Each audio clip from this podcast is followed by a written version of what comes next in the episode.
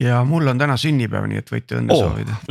palju õnne. palju õnne, Tiit. aitäh, aitäh, et, et saade on küll eetris homme, aga siis on juba vaja, siis homme ootame juba järgmist, mis saab olema vähe ümmargusem number. igaüks võib omad järeldused teha siit. no tore, kui ümmargune see ikka on. no ja kui ümmargune ta saab olla, on ju. täpselt, aga ma ei tea, siis paneme leekima.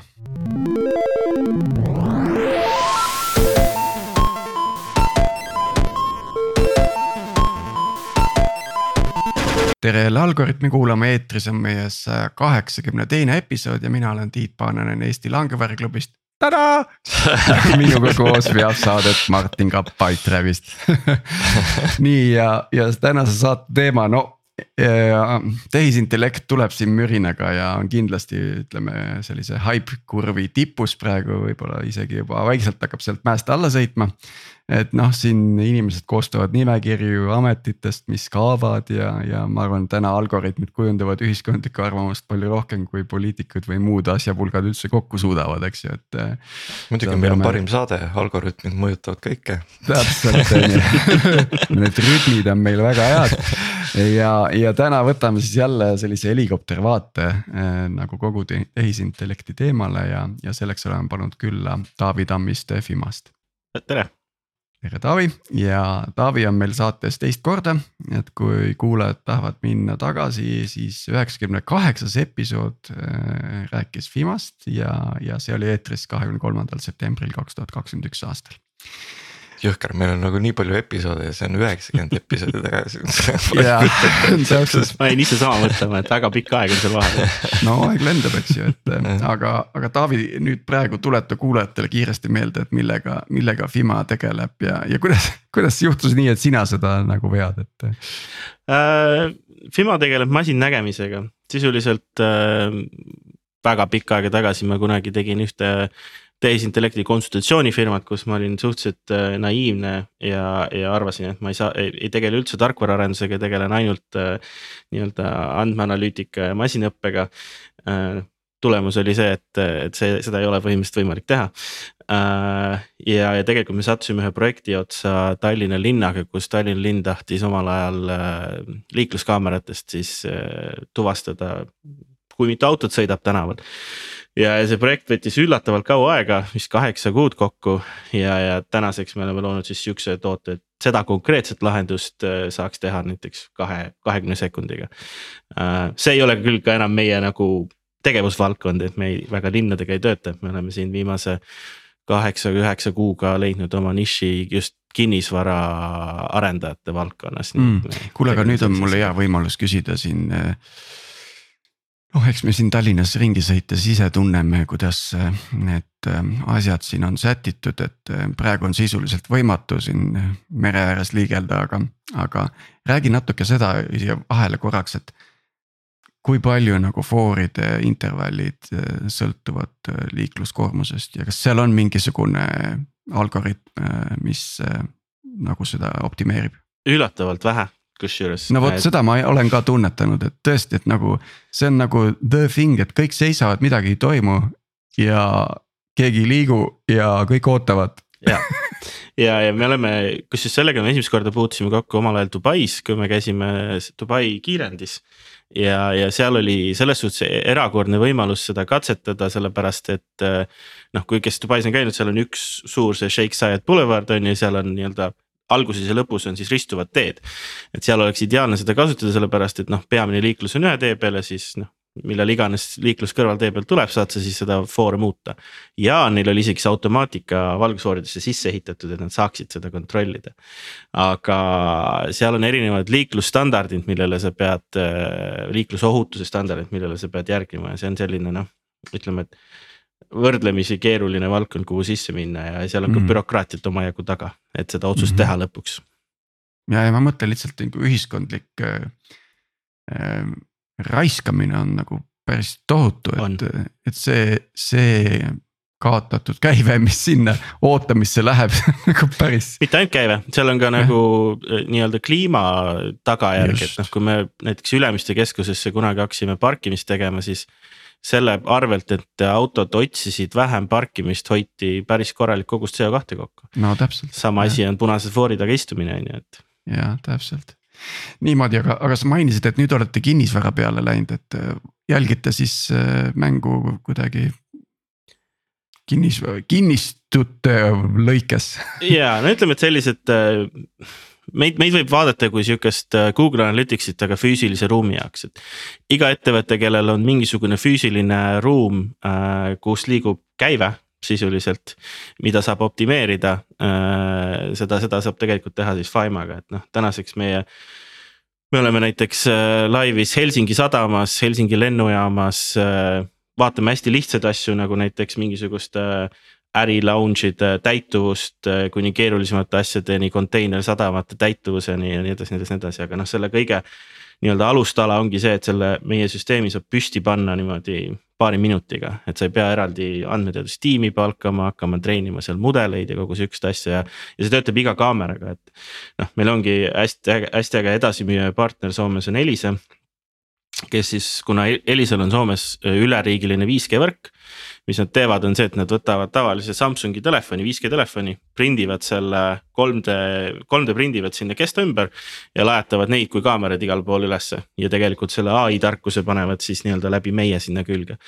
kuule, aga ma küsin kohe kõige karmima küsimuse, et kas no. need äh, business launch'ide täituvuse analüüsiks võetavad videofreimid, kas seal on inimeste näod udustatud? jah ja ütleme niimoodi no., et, et isegi mitte ei ole udustatud, vaid äh, meie ei salvesta videodatat üldse. Ehk meie pipeline on niimoodi ehitatud, et ta töötab justkui sihuke funnel, et data tuleb sisse, tuvastused toimuvad ära. ja nii-öelda kõik, mis sealt välja läheb, siis äh, kustub, noh kustub ise automaatselt ära. mis, kus, kus see privaatsuse teema tuleb veel olulisemaks, on see, et kuidagi sa pead ju selle mudeli valmis treenima, mis tuvastab inimesi, on ju. ja vaata, seal pead sa olema küll hästi ettevaatlik, et et sellest hetkest, kui andmed jõuavad nagu sinu kätte. Praktiliselt enne seda peavad olema need andmed anonüümiseeritud, muidu sa neid kasutada ei või. ja omal ajal, kui me seda teenust ehitasime, siis me rääkisimegi AKI-ga asju läbi. Äh, me oleme AKI-ga laval isegi käinud sellest rääkimas, kuidas see koostöö sujus, see oli hästi meeldiv tegelikult. ja tänaseks me oleme rääkinud ka UK äh, agent, selle andmekaitseagentuuriga läbi, et, et, et noh, me oleme suhteliselt nii-öelda turvaline GDPR-i safe lahendus, küll aga see tähendab, et meil võib olla mõni funktsionaalsus vähem, näiteks me ei tohi jälitada ühte objekti kaamerast kaamerasse. sest see on ka nii-öelda biomeetriline tuvastus ja nii edasi, nii edasi, et. ma arvan, et me oleme üks, üks väheseid startup'e Eestis, kes on väga suure hunniku äh, oma eelarvet pannud nii-öelda juristide alla, et see asi oleks suhteliselt kuulikindel kuule, aga kui sa ütlesid, et te olete ikkagi startup, kas see tähendab seda, et te olete endiselt nii-öelda investeeringu faasis? Äh, ma arvan küll jah, selles suhtes, et me kaasame või okei okay ütleme, et võib-olla varsti tuleb uudiseid, ütleme siis niimoodi. aga, aga me oleme ka tegelikult nii nagu kõik Eesti ülejäänud startup'id, nii nagu Ragnar Sass ütles, et back to reality on ju. et, et, et praegune fookus läheb ikkagi käibe kasvatamisele ja nii-öelda äh, cash flow positiivi jõudmisega, et noh, me eelmine aasta vist kasvatasime kuus, kuus X-i oma käivet. ja see aasta on loodetavasti plaanis sama teha nii et äh, aga see on jah naljakas, et, et äh, kuskilt poolteist aastat me ehitasime oma toodet, enne kui me üldse hakkasime käivet teenima mm., nii et. jah, no nii, aga nüüd tagasi saate teema juurde ja, ja no ütleme, masinõppe, tehisintellekti areng mm,. Ma ei tea, seda tehisintellekti kui sellist vist ei olegi ikkagi kohane kasutada, sest ta ei ole tegelikult intellekt, eks ju ta ei suuda ise ähm, omal initsiatiivil otsuseid vastu võtta et mm, jagaks nagu ära, et ütleme, ühed on need nii-öelda suurandmemudelid või kuidas siis jah, suured and-, ei. Ähm, no large language äh, su-, suur, suured keelemudelid. suured keelemudelid, eks ju siis on, siis on igasugused sellised nagu väiksed featuurid, noh arendajatele Copilot, eks ju, GitHubil on ju. siis on igasugune visuaalide genereerimine äh, ja noh, field'id, tõenäoliselt tuleb ka mingil hetkel video. Ja siis on no ütleme kõnesüntees, et kas ma nüüd midagi jätsin siit välja, ütleme sellist suurtest tükkidest.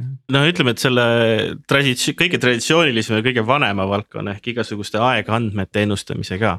just, just predictive selline. just, see predictive analüütika, mis enam ei ole üldse seksikas on ju, keegi sellest väga ei räägi. aga kuskil viis aastat tagasi noh, kõik tahtsid sellega tegeleda, et, et kõik rääkisid, et kogume järjest rohkem andmeid, andmeid, andmeid, et küll neid kunagi vaja on, noh tulemus on see, et andmeid on nii palju, et me ei oska midagi peale hakata nendega. ja, ja minu enda, enda kogemus selle predictive analytics'iga on, on just seotud Põhjalaga, kus tegelikult Amazoni QuickSight äh, võimaldab sul andmete pealt äh, prognoosida siis tuleviku mingisuguseid äh, väärtusi. aga siis tuli Covid peale ja andmete nagu perioodilisus muutus nii räi, räigelt, et see error margin läks niimoodi vuu, suureks et noh, mingit kasu pole sisuliselt, eks ju. Nonii, aga ühesõnaga, need on need suured tükid, on ju. Äh, kus me siis täna nagu oleme, kas saad meile mingi väikse sellise ütleme large language mudelid, eks ju noh, ütleme niimoodi, et, et äh, masinõpe nagu iga erinev tehnoloogia või, või ütleme siis äh, arvutiteaduse osa Äh, toimub arenguhüpetena. viimane suurem arenguhüpe minu arvates oli kuskil viis-kuus aastat tagasi, kui toimus äh, pildi tuvastuses hüpe. see on tegelikult see hüpe, peale mida Faima sündis, ähm, nüüd. ja see on siis nüüd ütleme rohkem kui lihtsalt OCR, eks ju. just, just, et see tähendab seda, et objektituvastus, segmentatsioon, et, et me suudame nii-öelda arvutile selgeks teha, mis objekt on mis sisuliselt, et kui ma tahan laua pealt küünalt tuvastada, siis ta teab, et see on küünal. ja seda ja mis on olulisem, on see, et seda on võimalik teha odavalt on ju, et noh, masinõpet sai teha ka vanasti kui sul olid nagu meel, meeletu võimsus taga ja nii-öelda järeltöödelda, ehk see ei toimunud live video pealt. nüüd viimased paar kuud on siis toimunud suurem muudatus just nende suurte keelemudelitega või large language modelitega Äh, noh, tegelikult selle kallal on juba töötatud ammu-ammu-ammu, see on see, mis nüüd chat GPT OpenAI poolt välja lasti, see on noh, lihtsalt nii-öelda selle avalikustamine minu arust väga hea viis, kuidas, kuidas see nii-öelda tarbijani tuua. aga sisuliselt, mida see tähendab, on see, et on leiutatud uus tehnoloogia äh, või uus neurovõrgu arhitektuur tegelikult. mis võimaldab äh, teksti õppida hästi suures koguses. et kui vanasti kasutati teksti Äh, õppimiseks äh, RNN-e ehk siis recurring neural network'e. siis nende häda oli see, et neid, selle õppimist ei olnud väga lihtne parallelise-, paralleliseerida. tähendab seda, et sa ei saanud sinna väga, väga suuri andmekoguseid sisse sööta. mida need äh, generative pre-trained transformer'id nüüd või GPT-d teevad, ongi see, et neid on võimalik, sinna võimalik nüüd meeletus kogustes andmeid sisse sööta, et kui sa vaatad GPT kolme mis noh, tänaseks on ajalugu, sinna läks kuskil nelikümmend viis terabaiti äh, datat sisse, et seda treenida ja sada seitsekümmend viis miljardit parameetrit, noh. me räägime GPT4-st, see on juba üks triljon parameetrit, on ju ja nüüd need, need nii-öelda featuurid, mis selle pealt on nagu arenenud, ütleme noh, võtame selle Copilot'i näiteks, eks ju, et. Et sa põhimõtteliselt annad oma koodibaasi talle ette ja siis ta hakkab sulle nii-öelda ettepanekuid tegema. No mitte isegi, mitte isegi seda, noh mind üllatas see, et kui me tegime näiteks äh, äh üht, ühte nii-öelda harjutust oma maja sees, kus me üritasime OpenAI DALL-i kaks API-ga äh, genereerida pilte, et neid pilte kasutada masinnägemise mudeli treenimises. siis esimene asi, mida seal projektis teha tuleb, on noh, sa tahad kirjutada ju skripti selleks, et äh, mis nii-öelda võtaks sisendpildi, söödaks selle OpenAI API-sse ja saaks kümme variatsiooni sellest pildist tagasi kuidas ma seda alguses alustasin, oli see, et noh, ikka saad tiimiga kokku, jagad ülesanded ära, kes teeb skripti, on ju, kes teeb mida. Noh, kuskil paar nädalat hiljem ma kirjutasin chat GPT-sse, et palun kirjuta mulle skript, mis võtaks sisendiks pildi. ja väl-, väljund, väljundiks oleks kümme variatsiooni sellest pildist ja see skript tuli mulle krrr, ette niimoodi. ehk, ehk tegelikult selleks, et API integratsioone teha sa ei pea isegi arendustööd tegema, vaid sa lased tal lihtsalt kirjutada selle valmis. ehk see fundamentaalselt muudab, ma arvan, seda, kuidas, kuidas kõik inimesed hakkavad tööd tegema, see saab väga-väga põnev olema mm. -hmm, mm -hmm. Ja, ja nüüd ütleme see, see piltide genereerimine just, et, et põhimõtteliselt äh, ma mäletan siin mõned kuud tagasi mul poiss äh, hakkas ka selle vastu huvi tundma, ta on neljateistaastane on ju, siis ta pani noh, suht kiiresti äh, hablas välja, et kuidas teha leekidest läbi põrutavat Ferrarit, eks ju ja tweak'is neid pilte, kuni tal see mingisugune limiit seal otsa sai, et, et, et noh. Kas see on, kas seal on veel nüüd arenguruumi või on see ikkagi juba noh, see juba läheb, ma ei tea, seda kasutatakse juba kunsti tegemiseks, eks ju, et. et mis, mis nende piltidega praegu toimub? Äh, no ütleme, et see pildimaailm oli, ma arvan, sihuke pool aastat tagasi, ma lihtsalt mainin, mina olen sihuke ai praktik, et ma, ma, ma ei lähe nende haipidega väga kiiresti kaasa, et selles suhtes, kui kõik räägivad siin. LLM-idest, siis noh, jah, okei okay,, ma ka mängin nendega natuke, aga praegu Fimas me noh, nii-öelda paneme siis production'isse just seda pildi dataset generation äh, nagu mootorit. ja, ja see on nagu selles suhtes huvitav, et, et äh, praegu see töötab väga hästi ühe objekti äh, nii-öelda tekitamiseks, et. või, või mingi stseeni tekitamiseks, et kui sa tahad saada pilti, kus on mitu erinevat objekti peal siis ta selleks väga hea veel ei ole. et ta on pigem hea selleks, et kui ma tahan saada pilte näiteks mingisugusest äh, autost, siis ta, ta, ta annab sulle pildi, mis on auto ja sa võib-olla saad talle veel lisaks anda seda, et anna mulle mingi kontekst. kus see auto on, mis valgustustingimustes ta on ja nii edasi, nii edasi, nii edasi. kui sa tahad ühe pildi peale saada autot, bussi, jalgratast ja kastiratast, siis sellega ta väga hästi hakkama ei saa. ühesõnaga järgmine samm on see, et sa saad öelda, et genereeri mulle keskaegne lahing tuhande viiesaja sõduriga. ja siis ta võib-olla saab sellega kunagi hakkama jah yeah,, põhimõtteliselt küll, et sihuke multimodaalsus on hetkel sihuke asi, mille, mis tundub seal nõrk koht olevat, aga noh. seda on näha, et see on lihtsalt andmete puudus, et kui neid andmeid sinna sisse rohkem söödetakse, siis see läheb ka kohe nagu, nagu käest ja. ära.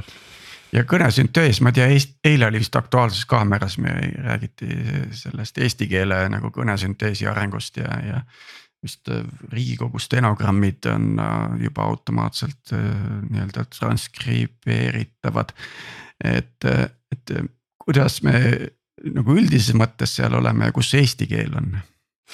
No ma tean seda, et, et eesti keele puhul riik on nagu pannud väga palju effort'it just sellega, et, et nii-öelda seda kõnesünteesi ja tekstist arusaama ja teksti sünteesi ja kõike sihukest asja nagu arendada Eestis.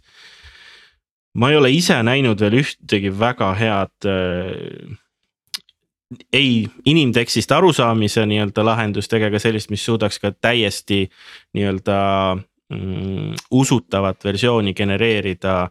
ja ma ütlen nüüd sada protsenti usutavat versiooni genereerida näiteks oma häälest või mingisugusest kuulsuse häälest või midagi, see on nagu deepfake idega natukene, et. et kõik tundub viie meetri pealt nagu väga ilus aga kui sa hakkad nagu lähemale vaatama või väga kõrge resolutsiooniga vaatama, siis sa saad päris ruttu aru, et midagi. miski on, miski on nagu valesti, on ju, et kõnesünteesiga mul on sihuke tunne, et see, see on sama teema. Äh, ja ma arvan, et see on üks valdkond, kus võib-olla andmete lisamine ei ole nagu lahendus, et seal on võib-olla vaja ka natukene tavatarkvara nii-öelda maagiat sisse visata, tarkvaraarenduse maagiat sisse visata ja ka võib-olla teistsugust nii-öelda andmeteaduse lahendust täiesti nagu kasutada just, just. Ja nüüd see viimane, see predictive analytics või, või mis see on siis eesti keeles jälle? Uh.. ühesõnaga, ma toon näite, mina ei saa praegu aru, miks Eesti Energia ei paku mulle tarbimisgraafikul temperatuuri. ja ei ennusta mulle ette järgmise kuu arvet. Selle, selle lähtuvalt sellest, mis on minu selle nii-öelda äh, konkreetse objekti baas nagu küttevajadus, eks ju, ja siis korreleerid seda vastu prognoositavat temperatuuri ja siis annad mulle nagu selle arvenumbri umbes ette, kuhu sa nagu sihid, eks ju mm. -hmm. et, et nagu ma ei tea, see on nagu nii basic asi ära teha ja, ja nad ei ole seda teinud ja ma olen seda küsinud neilt ja ma ei ole vastust saanud noh, ma ei hakka ilmselt Eesti Energia arendusosakonna Jira mm. ticket'ite backlog'i ette ennustama, on ju. aga, aga, aga, aga noh, väga suur probleem. see on mingi hackathon'i teema tegelikult, see on lihtsalt yeah. nagu see on kahe päevaga tehtav on ju. aga, aga väga suur probleem tegelikult on igasuguse andme nagu, ma ise ma maadlen täpselt sama asjaga, igasuguse dashboard'ide andmete visualiseerimisega on ka see tegelikult, et äh,. and-, okei okay kuskil viis aastat tagasi oli nagu hästi suur popp asi on see, et kogume kõike, ma ise käisin, esinesin ja rääkisin seda, et kui te tahate masinõppega tegeleda, tuleb koguda kõiki andmeid, mis vähegi tekib noh, äh, tagantjärgi mõeldes, mis see nagu põhjustas, on see, et äh, andmeid on liiga palju, andmed ei ole lihtsasti töödeldavad, mitte isegi selle poolest, et nad ei oleks, et meil ei oleks ressurssi seda teha. vaid lihtsalt andmeteadlaste ajumaht ei, ei, ei habla seda nagu, kustkohast mida tuleb võtta. noh, ilma andmetega ideaalne näide, ma olen ise nendega nii palju töötanud enamus ilmaandmeid, mis on vabalt kättesaadavad, on ennustuste salvestused, mitte päris mõõtetulemused. Äh, mis on, mis on selles suhtes nagu keeruline, et, et, et me ei tea sada protsenti, kas see ilmastik, mis nagu oli, päriselt match ib sellega, mis nagu oli ja siis, kui sa hakkad selle andmete pealt ennustama. siis seesama viga, mis sa enne rääkisid, noh, läheb niimoodi, on ju jah, läheb jah. ja, ja, ja, ja see on sihuke asi, millega nagu noh, tava, tavainimesed ei, ei mõtle selle peale, et, et, et ja, ja kui sa tahad nii-öelda päris ilmaandmeid saada. siis esiteks sa maksad nende eest, noh, mis tähendab seda, et sul peab kohe mingi ROI tekkima sealt, et kus ma selle raha tagasi saan. ja teine asi on see, et okei okay,, sa saad selle näiteks Eestis neljast ilmajaamast ja siis sa pead ikkagi hakkama ennustama nüüd kuskilt Kesk-Eestist nagu Tallinnasse näiteks, no okei okay,, Tallinnas ilmselt on ka ilmajaam. no aga ikkagi ma tahaks Eesti Energiaga siin jätkata, et nagu müü mulle siis see jubin, mis on patarei toitel ja istub wifi's ja registreerib kohalikku temperatuuri sellel kohal, kus minu konkreetne objekt asub ja. ja saadab andmeid pilve ja ennusta nende pealt noh no,. ja ei, ma ost-, ma ostaks ka selle jubi noh nagu teiega ostaks, noh, mingisugune kolmkümmend üheksa eurot näiteks mingi. just, noh kui ma saaks, kui ma saaks ennustada nagu oma elektritarbimist selle pealt, hea meelega ostaks selle jubi. on ju, täpselt, sa hoiad sealt kohe kokku, tead. no väga äge, äh, saime suured tükid kaetud, et ähm, vaataks natuke sellist veel kõrgemale tõuseks helikopteriga, et. et ähm, siin on mitmed nagu sellised alarmeerivad uudised, eks ju et, et ähm, alustan võib-olla sellest, et, et siin mõni kuu tagasi või kuuke tagasi vist Google'i insenerid ei osanud selgitada nagu, mida see nende asi neile tegi, et nad ei osanud seda nagu põhjendada, miks just nii. et sa enne saadet ette valmistades ütlesid ka, et sa, oled sama nagu, sama kohta jõudnud, et räägi mm -hmm. natuke sellest.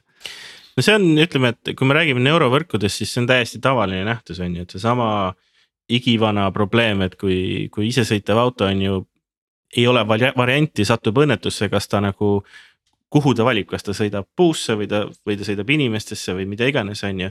et kui ta selle otsuse teeb, kes on süüdi, on ju. et, et, et tegelikult sama on näiteks igasuguse neurovõrguga. masinnägemises on hea näide on selles, et kui masinnägemises kasutades neurovõrke me tuvastame mingi objekti, siis kui ma saadan sama pildi viis korda läbi, mul tuleb äh, viis erinevat, natukene erinevat tuvastust sealt välja. ja see põhjus on selles, et see, kuidas nagu need neurovõrgud äh, oma otsuseid teevad, on see, et neil on hunnik kaalusid. ma ei tea, weights inglise keeles on ju, mis siis nii-öelda, kui see piksli jada läheb sinna neurovõrku sisse ta tegelikult iga kaalu pealt natukene iga neuroni koha pealt teeb erineva otsustuspunkti, on ju. Ja meil ei ole võimalik sada protsenti täpselt öelda äh,, miks äh, nii-öelda see konkreetne pilt läks mööda seda neuroni jada. see on sama nagu inimaju.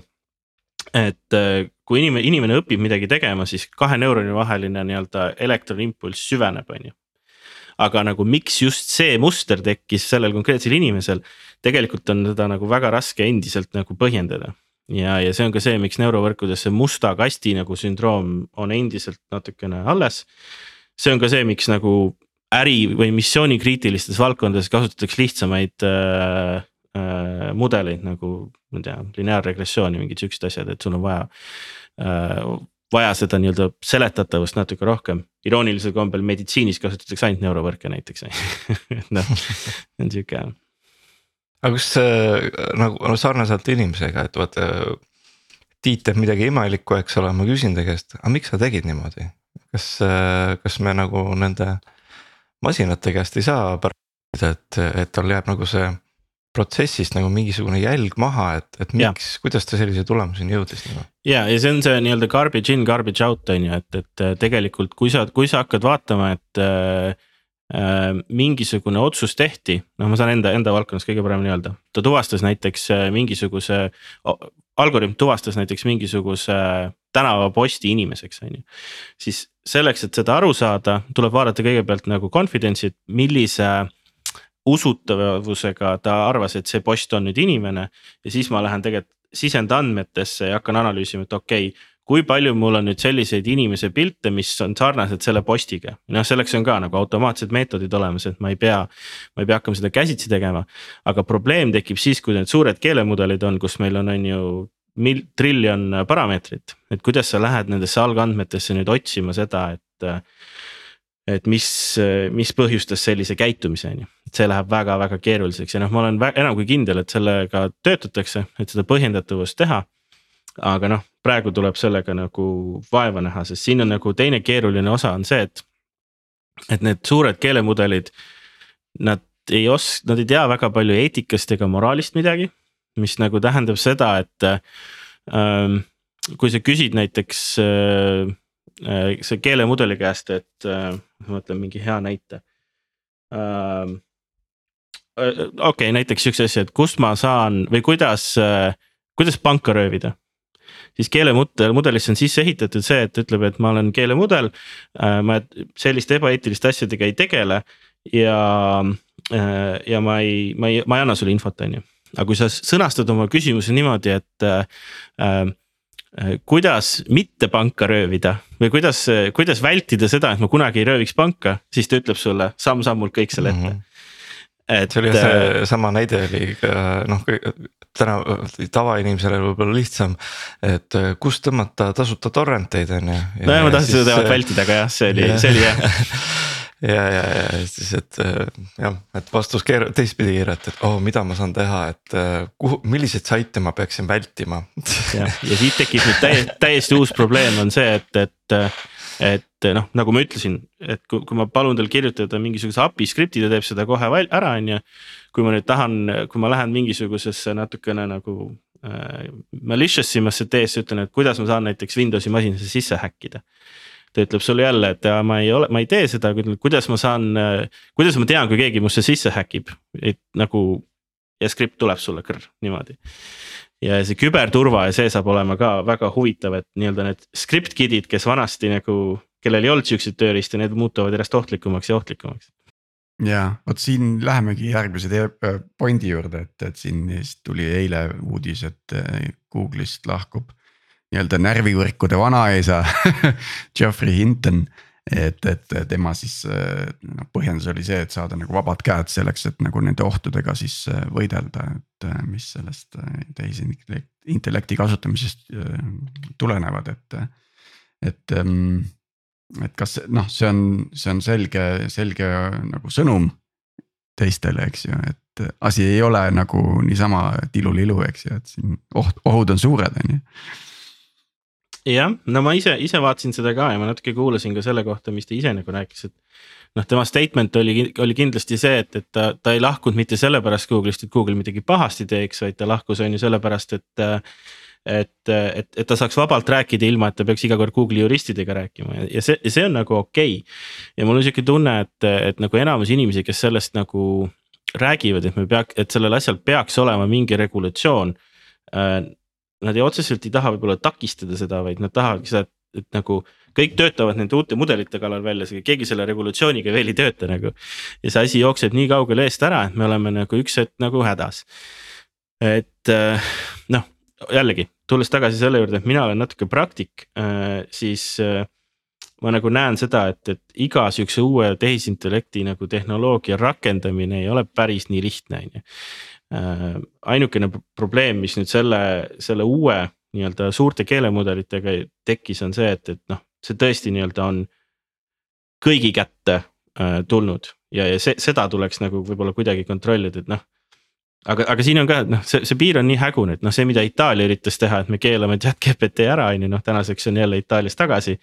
et see nagu ka ei tööta, et, et siin, siin, siin pigem, ma ei tea, harimine no tuli ju välja siis nii-öelda ettepanek, et nagu korraks peatada nagu võimsamate mudelite arendamine kui chat GPT four, eks ju mm. -hmm. et seal oli vist mingi kolmkümmend tuhat allkirja, et, ähm, et, et no selle kohta ma ütlen nagu seda, et seal on mul kaks väga tugevat arvamust, üks on see, et kui sa vaatad seda al, nagu allkirja listi. see võib-olla on natuke selline, ma ei tea, eestlaslik suhtumine, aga siis esimene mõte oli see, et enamus allkirjastajad olid need, kes nagu võib-olla tahaksid ka sihukest tehnoloogiat omada, aga neil natuke aega veel vaja, on ju. et äh, teine, teine asi, mis on, on see, et noh Äh, ega OpenAI on ka otseselt välja öelnud, et nemad praegu chat GPT viit või GPT viite ei arenda, et, et see GPT neli, mis on nagu. Väljas on piisavalt nii-öelda võimekas, et sellega saab veel kaua-kaua sõita, on ju, ja noh äh,. või noh, GPT neli ei ole ainus, on ju, Google'i Bard ja, ja, ja nii-öelda. kõik need asjad on nagu ka ikkagi väga erakordselt võimekad, mis on natukene scary on see, et ma olen, ma olen ka näinud esimesi suure keelemudeleid open source ituna kättesaadaval. kaasa arvatud see, et äh, GPT kolm ju lekkis äh, nii-öelda piraat, piraatturgudel igale poole laiali, et GPT kolme äh, kaalusid on võimalik nagu alla tõmmata ja neid ise kuskile käima panna, küll illegaalselt, aga siiski on ju. et, et see on palju hullem, et kui see noh praegu me vaatame, kuidas need asjad arenevad, siis ta ikkagi areneb nii-öelda lääne ühiskonnas sellepärast, et andmed on nii vabalt kättesaadavad ja võib-olla nii-öelda Hiina ja Vene Vene nii-öelda ühiskondadest ta nii hästi ei, ei arene, sest seal lihtsalt ei ole treenitavaid andmeid nii palju. küll, kui need kaalud nüüd lekivad igale poole, noh siis, siis juhtub igasugu halbu asju võib-olla, aga, aga noh. seda on raske ette ennustada, et mul, mul ei ole nagu endal isiklikku arvamust selle kohta, sest see on täpselt samamoodi nagu tulirelvade regulatsioon põhimõtteliselt. et noh, ega keegi nende relvade ehitamist ei lõpeta, pigem on see, et noh, tuleks hoolitseda, et nad halbade inimeste kätte ei saaks kuidagi jah, aga nüüd see oht, et need äh, keelemudelid on internetiga ühenduses, äh, räägi natuke sellest ühendusest, et mm. -hmm et noh, ütleme ta, tavatatsa ja temal nagu tekib see mõte, okei okay,, aga ma saan igast faktiinfot nagu hästi kiiresti, eks ju, kasutada. Ja noh, ja siis ta mõtleb, et okei okay,, aga siis see next step ongi siis nagu Skynet, eks ju mm. -hmm jah, ütleme, et need keelemudelid ise tegelikult ongi täpselt see, neil on sisend ja väljund, et nad ei ole nagu mõtlevad ajud kui sellised ja nad ei suuda nagu teha otsuseid. Äh, kunagi, kui ma nagu rääkisin tehisintellektist, siis ma nagu ütlesin, et ühtegi tehisintellekti rakendust rakendusest ei tohi eeldada, et tal on talupoja mõistus. et, et, et ta on väga lihtne asi ja nüüd need, millest äh, millest viimasel ajal on rääki-, rääkima hakatud, kuidas siis nii-öelda panna see GPT kolm ja GPT neli päriselt mingisuguse keskkonnaga nagu äh, äh, interakteeruma väga kehv eesti keeles äh,. Neid kutsutakse siis nagu ai agentideks äh, või siis noh, nendel on ka üks sihuke ühine nii-öelda termin nagu auto GPT on ju. auto GPT on konkreetselt jupp koodi, aga millegipärast see on nagu, nagu Kleenex on ju, et kõik kutsuvad neid ai agente auto GPT-ks millegipärast mida need siis võimaldavad teha, ongi see, et, et sa saad öelda näiteks äh, mingisuguses chat'i aknas, et palun book'i mulle kaks kinopiletit. ta saab aru sellest äh, äh, nii-öelda äh, mida sa tahad teha, kuhu kinno sa tahad minna ja nüüd see need ai agendid lähevad ja nii-öelda ühilduvad selle konkreetse infosüsteemiga ja nii-öelda ostavad sulle need kinopiletid ära, on ju iroonilisel kombel mega palju startup'e on tulnud neid, neid, kes nii-öelda lihtsalt on tegelikult noh, sihuke glorified ai agent tegelikult, kes läheb ja teeb mingisuguseid asju. ja, ja neid ai agente kutsutakse ka sihukesteks nagu, mis mulle üldse ei meeldi, sihukesteks baby AGM-ideks või artificial general AGI-deks. Artificial general intelligence, mis ta noh, tegelikult ei ole, ta on jupp koodi tegelikult lihtsalt. lihtsalt API, eks. ja no noh, ta on natukene teistsugune kui API, aga põhimõtteliselt jah ja.. aga ma mõtlesin sellega ka, et äh, siis kui see chat GPT nüüd läks väga lendu, eks ole et kui need andmed, sisendandmed tulevad ikkagi noh raamatutest, internetist. aga just sellest internetist, et kui sa tahad nagu lõpuks midagi saada, tarka selle käest teada, on ju. et äh, mille põhjal ta otsustab, et kas Vikipeedia artikli põhjal, kas ta võtab selle Redditist. mis tähendab seda, et mis, mis mu mõte oli nagu see, et kas ei ole oht, et nagu me hakkame kontrollimata data pealt genereerima uut kontrollimata datat. ja inimesed võtavad seda täiesti tõepõhe, põhe, pähe nagu, sest et noh, see ai ütles mulle niimoodi, järelikult nii on. Ähm, ja mis tähendab seda, et eriti veel noh, ma sõbraga vestlesin üks hetk, et aga mõtle, kui ta hakkaks veel Vikipeedia artikleid ka ise koostama. mis tähendab, et sul on juba väga subjektiivsete andmete põhjal tehakse uut sihukest nagu teisendatud äh, artikleid, mis on järjest kaugemal sellest, mis võib-olla asi päriselt on, eks ole. ma räägin, siin tuleb kiiresti mõelda välja sisu äh, allkirjastamise lahendus noh. jah, jah, see on kusjuures see ei ole üldse paha mõte ja, ja tegelikult see asi, OpenAI tegevjuht ütles ka, et neil on näha seda, et, et kui mingisugune inimene koostab äh, näiteks mingi emaili vastuse, et, et chat GPT-sse sisestatakse email, palun vasta sellele emailile. siis see sisend, mida chat GPT kirjutab, kaob ära korraks ajaks ja siis nad näevad seda, kuidas teiselt poolt seesama sisend, mida chat GPT kirjutas, tuleb uuesti sisse. ja inimene kirjutab, palun vasta sellele. ehk nii-öelda ma, ma hirmuga mõtlen, mida keskastme juhid igal pool ettevõtetes, kes nagu email'e kirjutavad, tegelikult noh kui palju nad päriselt nagu süvenevad sellesse, mida see GPT seal kirjutab ja vastab. Ja nüüd selle kohta, mis puudutab seda, et, et me hakkame eh, nii-öelda ai poolt eh, genereeritud info pealt uuesti treenima ai-d. Eh, noh, see tähendab seda, et see nii-öelda mudel läheb järjest lollimaks nii et seda tuleb kindlasti vältida ja see, ja see on selles suhtes nagu väga suur probleem, sellepärast et noh, suured firmad nagu näiteks Reddit, Reddit ju ütles otse välja, et nendel on kõige suurem kogus inimeselt inimesele kirjutatud teksti äh,. Mida noh, tavaliselt räägitakse psühholoogiga, on ju. et, et noh, see on väga väärtuslik andmekogus. E, ja nemad panid oma API tasuliseks, sellepärast et nad nägid, et tegelikult kõik need suure mudeli tegijad kasutasid seda ära tuimalt ja nii-öelda treenisid mudeleid selle peal. ehk see nii-öelda treenitava mudeli, treenitavate andmete kogus ajas, ma arvan muutub raskemini kättesaadavaks, see tähendab seda, et. et nii suurt hüpet, nagu me nägime praeguste suurte keelemudelitega, ilmselt mõnda aega enam jälle ei tule mm. -hmm no nii, aga siia vahele siis pistaks mõned siuksed personaalsed kogemused ka, et Martin, alustaks sinust, et eh, mida sa oled teinud? Eh, no ütleme siis eh, LLM-ide pealt, mis on nagu kõige huvitavam lõik võib-olla.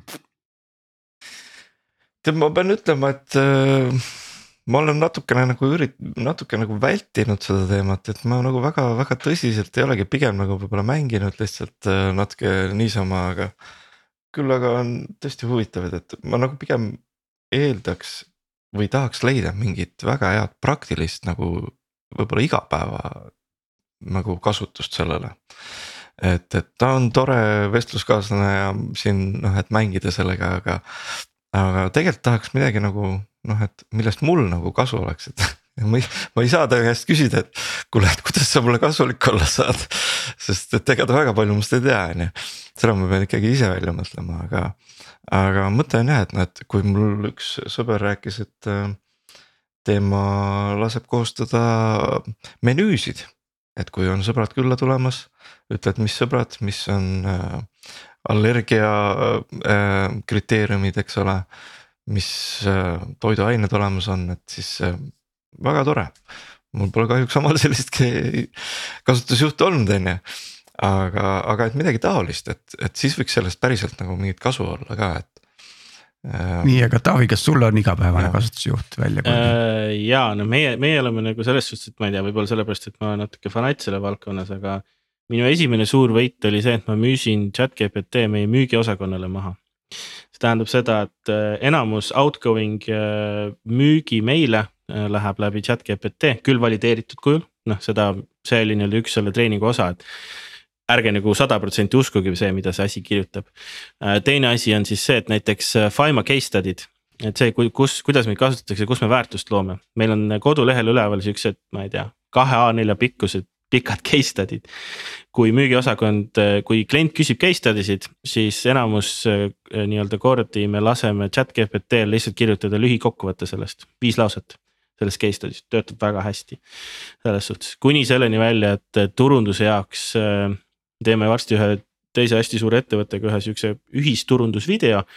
Äh, mis on tehniline siis arendajatele mõeldud video Äh, selle skripti, noh, mul polnud aega seda kokku kirjutada, ma lasin, panin bullet point'id, lasin selle video skripti kirjutada kokku tegelikult chat GPT-l. ja nii edasi, nii edasi, nii edasi, et noh, me oleme selle ikkagi oma ettevõtte nagu tuumikusse väga palju sisse kirjut- kirjutanud kogu selle. kas teil on oma, teil on oma API giid chat GPT nelja vastu ja teil on oma interface ehitatud sinna peale? Mhm. just, just, ütleme niimoodi, et turundus see nii-öelda müük kasutab ikkagi sedasama nii-öelda tasulist chat GPT-d, et seal sinna mingit interface'i ehitada polnud nagu väga mõtet. aga mis puudutab nendesse pilti, piltide genereerimisse ja uute dataset'ide tekkimisse ja automaatse annoteerimise, kõige selle peale, see on jah, meil nii-öelda maja sees ehitatud mm. -hmm. Nojah, minu kogemused on ka päris, päris äh, põnevad, ma arvan, asi läks huvitavaks, kui ma andsin lihtsalt andmebaasi tabeli struktuuri ja ütlesin, et joo, mul on vaja siit selliseid andmeid. ja kuna tal oli kõikide andmeväljade noh tüübid ja nimed äh, teada, siis ta kirjutas mulle SQL-i, siis ma ütlesin, et jõu selle sellise SQL-iga ma saan ise ka hakkama, ma tahan periodiseeritud andmeid niimoodi, et kuud oleks kolum- nagu veergude peal, on ju. Siis ta tegi selle, sest kuule, et äh, kui ma siit see, see, see SQL ei arvesta nagu suvalise andmete perioodi hulgaga, eks ju, et see nagu ma pean nagu umbes iga kord manuaalselt juurde kirjutama. ja siis ta sai sellest ka aru ja tegi siis sellise eh, SQL lause, mis arvestab, mis sobib suvalise tabeli peal nagu periodiseeritud andmete eh, nagu kokkuliitmiseks, on ju ja siis ma näitasin seda SQL lauset, ma ise sellest enam aru ei saanud, sellest kolmandast versioonist näitasin nagu noh inimesele, kes on ise kirjutanud, ta ütles, et ta ei oleks suutnud seda kirjutada. et ja, ja ongi ja töötab ja ongi väga universaalne lahendus, on ju. ja siis teine mm, case oli siis see, et äh, oli, oli vaja defineerida privacy by design policy äh, ja. Ja kasutasin siis kolme erinevat prompt'i äh, ja siis võrdlesin nende tulemust ja need kümme printsiipi tulid seal kõik välja ilusti, valisin sealt parimad sõnastused, valideerisin spetsialistidega üle. ja põhimõtteliselt kahe päeva töö laias laastus oli viieteist minutiga tehtud mm. -hmm jah, see on, see on noh, see on väga-väga nagu impressive, mida see võimaldab teha ja noh, see, et Microsoft, ma ei noh, te rääkisite Copilotist, ma eeldan, et te ei rääkinud Microsofti Copilotist on ju, et äh, ma ei tea, kas keegi on vaadanud seda Microsofti Copiloti äh, press release'i, kus nad näitasid, mida uus Excel hakkab tegema. kuni selleni välja, et, äh, et näiteks andmete mudeldamine, kui sul on näiteks mingid müügiandmed ja sa kirjutad talle lihtsalt, et kuule, mudelda mulle selline nagu äh, uus dataset, kus näiteks müügid kasvavad month on month mingi kaks koma kolm protsenti ja ta loob sulle. selle data niimoodi, teeb sulle graafiku niimoodi paneb sulle trendline'id sinna peale, teeb kõike sellega. noh, et see, see, see, kuidas Microsoft võtab nagu kasu äh, sellest, et tal on OpenAI-s osalus, see saab olema mega. noh, me räägime sellest, et Samsung tahab vahetada oma telefonidel otsingumootori pingi vastu, et kaks aastat tagasi see, noh, see oleks välja naerda, kui keegi siukest asja räägib, on ju. jah, jah. aga see on täpselt see, et kui sa, sa pead leidma selle praktilise nagu nurga, eks ole, et millest nagu tegelikult kasu on, et muidu ta on ikkagi ikka nagu sihuke uhke töö, uhke mänguasi lihtsalt, eks ja. ole, aga et kui sa ta... päriselt oma, oma nagu eraelus või tööelus leiad sealt mingisuguse. No, ja teda tuleb kasutada ka, seda tuleb kasutada ka nagu tööriist, et kui sa nagu ütled talle, et lahenda see ülesanne ära minu jaoks, siis ta ei tee seda. pead talle õige sisendi andma, täpselt nii nagu sa tegid, Tiit, on ju, et, et mul on see, see tulp, mul on vaja seda, seda tulemust, ma tahan kasutada selleks selle, seda ja seda metoodikat, on ju.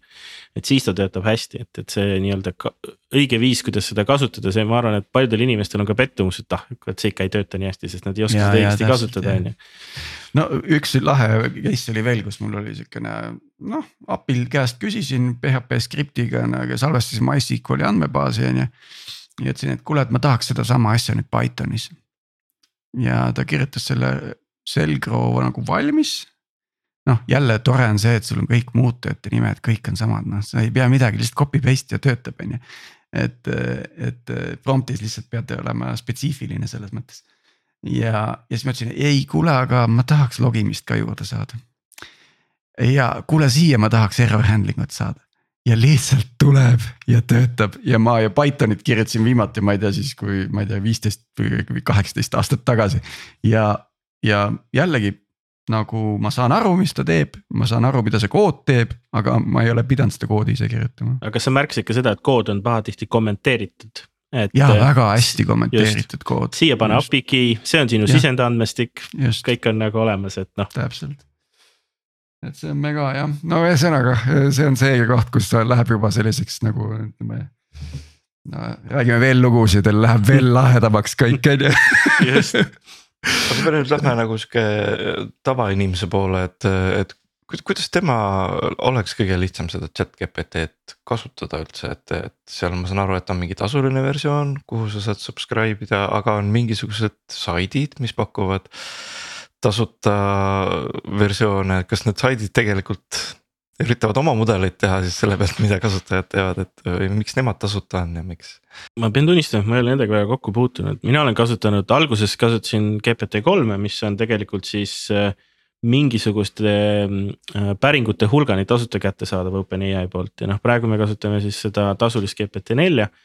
Äh, mida nagu ülejäänud saidid teevad, eks nad niikuinii kasutavad äh, mingisugust, noh, seal peab mingi äriloogika taga olema, on ju, kui nad kasutavad, kui neil ei ole oma LLM-i, mida noh, oleme ausad, väga vähestel on on ju tänapäeval. siis on see ikkagi see API, nad ikkagi maksavad selle API eest päringu eest suure tõenäosusega. ja nad teevad midagi nende andmetega, mis sa sinna sisse söödad. et see on ka üks asi, mis tegelikult äh, millega inimesed väga tihti ei arvesta, on see, et, et noh, sa küsid, kuidas tavainimesed võivad seda kasutada minu arust mingi paar kuud tagasi oli mingisugune suur skandaal, et äh, Samsungi töötajad söötsid mingit väga proprietary't teht- äh, koodi chat GPT-sse. et nad äh, seda aitaks lahendada seda, miks see kood katki on. aga nad ei arvestanud sellega, et niipea kui nad selle koodi sinna panevad, see on ka nii-öelda OpenAI-l rahulikult kättesaadav. et, et noh, ärisaladuste söötmine OpenAI-le saab olema ka väga huvitav ja põnev probleem, millega tegeleda ettevõtetes varsti ja mis, mis muidugi tähendab seda, et järjest enam tekib vajadus suurtel korporatsioonidel, eriti see äh, nii-öelda in-house hosted LLM-ide jaoks. ja vaata, see saab olema huvitav äri. nii, aga nüüd need kõige vingemad startup'id, sa kindlasti oled siin nagu täielik spetsialist, et me, me lihtsalt infotulv on lihtsalt nagu sa ei eralda enam ära, mis on mis. et aga mida, mida tasuks päriselt proovida nagu võib-olla nendest agentidest äkki mõned siuksed huvitavad? ma ei ole nagu, ma ei ole nagu märganud ühtegi sihukest suurt äh, äh, nii-öelda ai agendi startup'i veel. kindlasti tasub näiteks proovida AutoGPT-d on ju, et kui sul vähegi nii-öelda äh,, nii-öelda näpud koodi meeldib panna, siis seda võiks nagu proovida, see on päris nagu huvitav kohati, sellega saab igasugu, igasugu toredaid rakendusi ehitada. see on põhimõtteliselt nagu võtad siis, sa põhimõtteliselt teed siis, mis seal siis oli nüüd ütle nende API integratsiooni kiht, see. ah, Zapieri nagu turboversioon põhimõtteliselt. põhimõtteliselt jah, aga noh, ta ei ole nii võib-olla lihtne, on ju, et on natukene keerulisem nagu üles seada aga, aga, aga jah, ja, ja noh, praegu on juba noh, see nii-öelda uus, uus startup'i mull on ka sündimas, et võib-olla see, miks ma ei ole nagu kokku puutunud sihukestega, ongi see, et. praegu USA-s oli mingisugune suur artikkel selle kohta, kuidas mingi kümme ai startup'i nädalaga osteti ära ehk keegi tegi selle auto GPT baasil mingisuguse toreda agendi. nädalaga palkas sinna siukse tõsise nii-öelda LLM-i ai eksperdi, maksis sinna väga palju raha sisse. ja nädalaga flip'is selle firma mingile suurele korpile maha lihtsalt. mis on noh, noh, kui ma oleks praegu mingi VC investor, ma praegu väriseks, sest ma ei saa enam midagi aru, mis toimub turul mm. -hmm. ja, ja, ja nii et auto, auto GPT-d võiks, võiks ise, ise näppida ähm,. aga nüüd masinõpe ja, ja probleemid, et ma ise suutsin välja mõelda mõned siuksed noh, andmete kättesaadavus on alati probleem, nende usaldusväärne. usaldusväärsus, siis nende märgendamine on tihti nagu mahukas töö, eks ju. mis on veel sellised nagu rasked küsimused praegu sinu laual, masinõppega tegeled? No ütleme, et, et konkreetne minu, minu laual on alati on, on täpsus, on ju, et noh, kuna, kuna meie tegeleme nagu noh, pildi, piltide sihukeste asjadega, siis meie mudelid peavad olema. esiteks nad peavad olema hästi, hästi nagu performant ehk nii-öelda see price per frame, mida me GPU-des töötleme, peab olema erakordselt madal. ja teiseks nad peavad olema ka erakordselt täpsed ehk noh, kaks, kaks väga halba asja, mida kokku panna, on ju. Et kas, kas odav ja mittetäpne või kallis hästi täpne, ju, et noh, kuskil tuleb see kesktee leida sinna. ja, ja noh, tegelikult Ütleks... ja siis see, see kesktee tegelikult määr, nagu määrab ära, kas sul on business case või mitte, on ju. just, just mm -hmm. ja, ja noh, praegu ongi tegelikult see, et kui me räägime, mis, mis mind nagu hirmutab selle puhul on see, et äh,. nendes masinõppelahendustes me oleme jõudnud sellisesse kohta, kus äh, intellektuaalomand on kas open source või suurte korpide käes. mis tähendab seda, et kui mina tahan näiteks oma masinnägemise mudelit palju täpsemaks muuta, siis või ja, ja palju kiiremaks muuta, siis ma saan seda teha oma pipeline'i unikaalsusega, see tähendab seda, et äh, see, kust ma andmeid kogun, kuidas ma andmeid märgendan, kuidas mu andmete kvaliteet on. aga kui ma jõuan neurovõrgu arhitektuurini, siis seda ma saan timmida äh, oma eelarvega ainult nii palju. selleks, et ma, et ma seda neurovõrgu arhitektuuri muudaks nii, nagu ma ei tea, OpenAI seda teeb. see eelarve peab mul olema meeletu, ehk ma startup'ina teda ei saagi teha. mis tähendab seda, et, et noh nende suurte tükkide kontroll läheb äh, väga väheste ettevõtete kätte ja see saab olema jällegi sihuke triki natuke, õnneks on ka nii-öelda. Nii-öelda ettevõtted maailmas, kes tegelevad open source imisega ja noh, OpenAI mõte oli ju ka tegelikult algusest peale see, et nad tegelikult äriidee on ju. mul on sihuke tunne, et see viimasel ajal on natuke muutunud nende jaoks, aga noh, ma ei tea mm. -hmm. ja, ja võib-olla viimase sellise keerukama küsimusega, et mm, ma olen aru saanud, et seal on nagu ütleme, inimesed vaatavad seda, et oh joo, üks mudel, üks lahendus, üks vastus ja kõik on ju, tegelikult see on nagu, nagu sari äh, ja, ja järjekord äh, ja, ja üks teeb ühte, siis feed ib järgmisse ja nii edasi ja siis osa nendest peab töötama nii-öelda rea, reaalaja tempos ka on ju. võib-olla lahkaks natukene seda, seda arhitektuurilist keerukust nagu just mudelite vahel, et võib-olla mõned näited äkki, mis kirjeldaksid äh,? noh, ütleme niimoodi, et, et enamus selliseid keerukaid äh, lahendusi, mis äh, on nii-öelda production'is, äh, käsitlevad siis mitut erinevat mudelit mitmel erineval eesmärgil. ideaalne, võib-olla kõige lihtsam ja inimesele arusaadav näide on näiteks isesõitvad autod. selleks, et isesõitev auto teeks mingisuguse auto juhtimist mõjutavat otsust Äh, peab ta võtma äh, andmed autolidarist. autolidaris olevad andmed tegelikult tõlgendatakse auto asukohaks väga lihtsate äh, konvolutsiooniliste neurovõrkudega. see tähendab seda, et tal on õpetatud lihtsalt selgeks, et kui lidarist tuleb sihuke number, see tähendab seda, et auto on nii kaugel imelihtne asi tegelikult. ja seda on võimalik ka kontrollida tagantjärgi, mitte nagu neid must, musti kaste, mis enamasti on nüüd see info, mis sealt tuleb, söödetakse nüüd järgmisesse äh, masinõppemudelisse, milleks on siis näiteks mingi suur neurovõrk. ja see neurovõrk, äh, äh, sellel on nüüd nagu äh, andmemaht on umbes kümme, sada X-i rohkem kui sellest ühest lidari mudelist. ja ta muidu ei töötakski selles suhtes, ehk kui me räägime nagu sellest erinevate mudelite otsustusjadast, siis neid on vaja selleks, et nagu, nagu tarkvaraarenduseski, iga jupp teeb erinevat osa ja selleks, et panna see konstruktor kokku, sul on vaja erinevatest andmeallikatest tulenevaid äh, äh, lõppväärtusi ja neid lõppväärtusi on vaja kokku panna mingisuguse suure neurovõrgu jaoks sisuliselt. et jah, neid use case'e on nagu palju erinevaid ja, ja noh, pahatihti tekib seal ka nagu äh, igas masinõppemudeli tulemuse või noh, jadas tekib ka uus määramatus, on ju sest noh, masinõpe ei ole ideaalne, on ju, alati on sul mingi täpsusprotsent. mida rohkem sul neid mudeleid on, seda suurem sul see määramatus tekib, on ju. et ja selle hindamine on ka omaette kunst nagu, et kuidas sa hindad, et kui palju nüüd see määramatus ajas mõju muutub, on ju, sest. erinevalt nagu tarkvaraarendusest, kui sul on mingisugune algoritm, mis funktsioneerib päris keskkonnas siis keskkond ei ole kunagi stabiilne, see alati muutub, mis tähendab seda, et sinu mudeli määramatus ajas samuti muutub, on ju. ehk siis tekib küsimus, et kui tihti sa pead neid mudeleid üle treenima ja mis osi kogu sellest pipeline'ist sa pead uuesti üle treenima, on ju. Ja, ja, ja kogu see nii-öelda, ühesõnaga masinõppemudelite ja masinõppe pipeline'ide ja data ops'i, ops'i pipeline'ide. QA ja management on erakordselt keeruline valdkond tegelikult ja, ja kuidas nende tehnoloogiatega on, et, et noh, ütleme Pythonist on saanud nagu de facto standard, eks ju, kuskil mõned aastad tagasi oli R oli ka nagu teema. ma ei tea, kuidas täna, ma ei isegi. R on sihukene nagu matemaatiline keel on ju, et, et, et kui Pythoniga, Pythonis sa kirjutad kenasti production grade asju, siis ähm, see R on pigem sihuke võib-olla hea koht, kust alustada, on ju.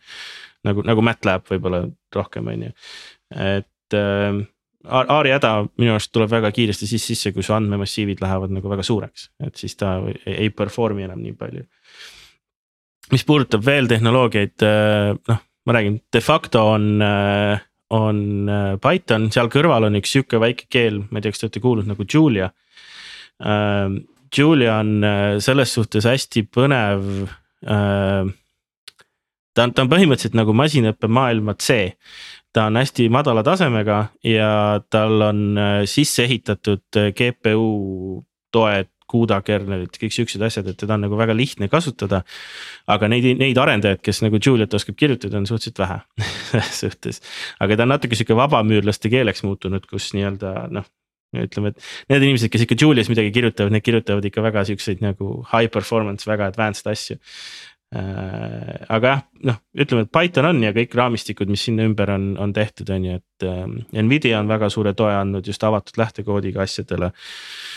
ja, ja, ja kõik need nii-öelda äh, muud raamistikud, mis siin ümber mm. käivad, et see on suhteliselt. kuidas see infra pool, et äh, palju nagu tüüpiline masinõppeinsener oma masinas teeb versus nagu kuskil pilves arvutab? Masinõppeinsener, and-, äh, andmeinsener või, või, või andmeteadlane on ju, et äh, ajalooliselt on kujunenud niimoodi, et andmeteadlased kipuvad ikkagi kuskil oma masinas asju tegema, neid on väga raske panna kuskil serverisse mudeleid äh, tegema ja muid siukseid asju, et äh, noh, meie, me oleme üritanud ka niimoodi teha, et kõik asjad toimuvad meil nii-öelda samas klastris, kus meil on staging environment on ju, et seal on kõik hästi. aga meil on ikkagi üks nii-öelda oma äh, development PC ka kuskil, kus sul on paar GPU-d sees ja kus nii-öelda tegelikult enamus treenimist toimub ikka, on ju. et äh, mis on nagu meeldiv, on see, et on, on väga palju tööriistu tehtud selleks, et äh, jälgida oma masinõppemudeli äh, nii-öelda treenimis performance'it alustades sellest, et kas su dataset on okei okay,, see tähendab seda, et kuidas sul andme dataset on balansis, kas noh, meie puhul siis näiteks pildi valgustatused, erinevate objektide äh, arvud mudelis, et kõik oleks kenasti tasakaalus. kuni selleni välja, välja siis, et äh, iga nii-öelda training run, mida sa teed, automaatselt kõik nii-öelda jookseb kenasti mingisugusesse keskkonda nagu weights and bias'es, kus siis nii-öelda. sa näed, et okei okay,, ma panin nüüd uue mudeli treenima nii mitme epoch'iga, selle mean average precision on selline. ja sa saad võrrelda ja teha neid asju, mis omal ajal oli noh, jällegi käsitöö on ju. ühesõnaga, sul on võimalik aru saada, et jah, et kas su õp-, õpetamismeetodid on head või, või võiks just, paremad olla. just, just mm -hmm. ja mis on äge, on ka see, et, et, et uh, uutes nii-öelda nendes uh, raamistikes on pahatihti integratsioon nendesse tööriistadesse sisse kirjutatud sa ei pea ise neid nagu tegema. viskad oma API võtme sisse ja, ja nii-öelda kõik hakkab automaagiliselt tööle kui, kui palju võiks olla, me oleme rääkinud praegu sellistest suurtest noh, ikkagi suurtest laiatarbe juba võiks öelda peaaegu, et äh, masinõppe ja ai asjadest, aga kas meil on mingi hinnanguline võimalik, mingi hinnang võimalik teha, et kui palju on nagu võib-olla privaatkasutuses või kuskil enterprise ides sees mingisuguseid siukseid suuremaid mudeleid, mis me võib-olla nagu väga ei teagi. Äh, kuhu ma jõuda tahan, on pigem nagu see, et, et äh, ma mäletan, et mingi mõni aasta tagasi, kas mingi autotootja vist või äh,. analüüsis oma autode seda, kuidas nad nimetavad siis õhutakistust, indeksit ähm, Äh, arvutas seda masinõppega, sellepärast et matemaatiline mudel on ilgelt keeruline ja iga muudatuse arvutamine võttis lõpuks äh, meeletult aega. et masinõppega olid nad treeninud kuidagi siis selle mudeli ja saanud väga hea tulemuse põhimõtteliselt selle käest noh. võrreldes siis nagu selle matemaatilise mudeli arvutamisega noh, põhimõtteliselt väga väikse ajaga, eks ole. et, et see, aga see tundub, et see on ikkagi korralik teadus ja korralik äh, töö, mis sinna sisse on läinud, on ju. et kui palju siukseid asju veel võiks kuskil nagu peidus olla, millest võib nagu midagi välja kasvada? oi, oi väga palju, noh, selles suhtes, et, et kui me vaatame siukseid nagu vanemaid asju, siis, siis me räägime tegelikult sellest, et äh, noh, kogu pangandus ju, fraud detection, kõik siuksed asjad, need on, ma ei tea, mis ajast juba olnud küll alg, vanasti väga lihtsate mudelite peal, aga see on kõik praegu ju puhas masinõpe on ju. Tulles siis välja selleni, et noh äh, nii-öelda korporatsioonid juba kasutavad näiteks mingit HR-i tööriistu selleks, et äh, palgata õige inimene õige koha peale, on ju, ja nii edasi, nii edasi, nii edasi, et, et tegelikult on. on, on väga palju siukseid asju, tootmises eriti äh,. ennustamine ette, kui palju mingeid juppe vaja on mingisugusel äh, perioodil, noh. väga palju on, noh, et, et ka Eesti ettevõtted, noh, Bolt, Starship kõik kasutavad, et nagu seal on, ma arvan, nii palju neid erinevaid nagu kõigil, kellel on oma, oma masinõppetiim, kindlasti on iga, igas nagu ärivaldkonnas midagi, mis võib nagu väga suurt väärtust pakkuda. niimoodi, kas on nüüd mingi asi või küsimus, mis on jäänud küsimata, Taavi, aga sul oli kohe mõttes, et sellele, sellest peaks rääkima oi, neid küsimusi on palju, aga mul praegu, praegu küll midagi meelde ei tule. ja, et me oleme tegelikult siin, ma, ma, ma, ma olen mingis uues entusiasmi levelil praegu, ma kindlasti siin järgmise paari nädalaga midagi jälle ehitan. Ehm, Äh, et, et, et selles mõttes see saade täitis oma eesmärki et aitäh, aitäh, Taavi ja aitäh, Martin, et aitasid saadet vedada ja, ja tänud ka kuulajatele. Teema juurde kindlasti tuleme tagasi uute külaliste, uue kontekstiga ja, ja ilmselt pigem varem kui hiljem, sest siin on nagu nädalatega juhtub asju kuigi mul on pean märkima, et Taavi ütles siin mõned asjad hästi, et, et tegelikult nüüd on mingisugune platoo võib-olla nüüd äh, siit edasi, eks. mõneks ajaks. see, mis nagu seal kirjas kirjutati, et see võib-olla ongi realiseerumas. aga no vaatame äh,, kindlasti see jõuab äh, ka laia tarbe kasutusse ja, ja, ja inimeste loodetavasti elu muutub äh, lihtsamaks, aga samas ka võib-olla ohtlikumaks. hea küll, tänud kõigile ja jääme kuulmiseni järgmisel nädalal. Thank you.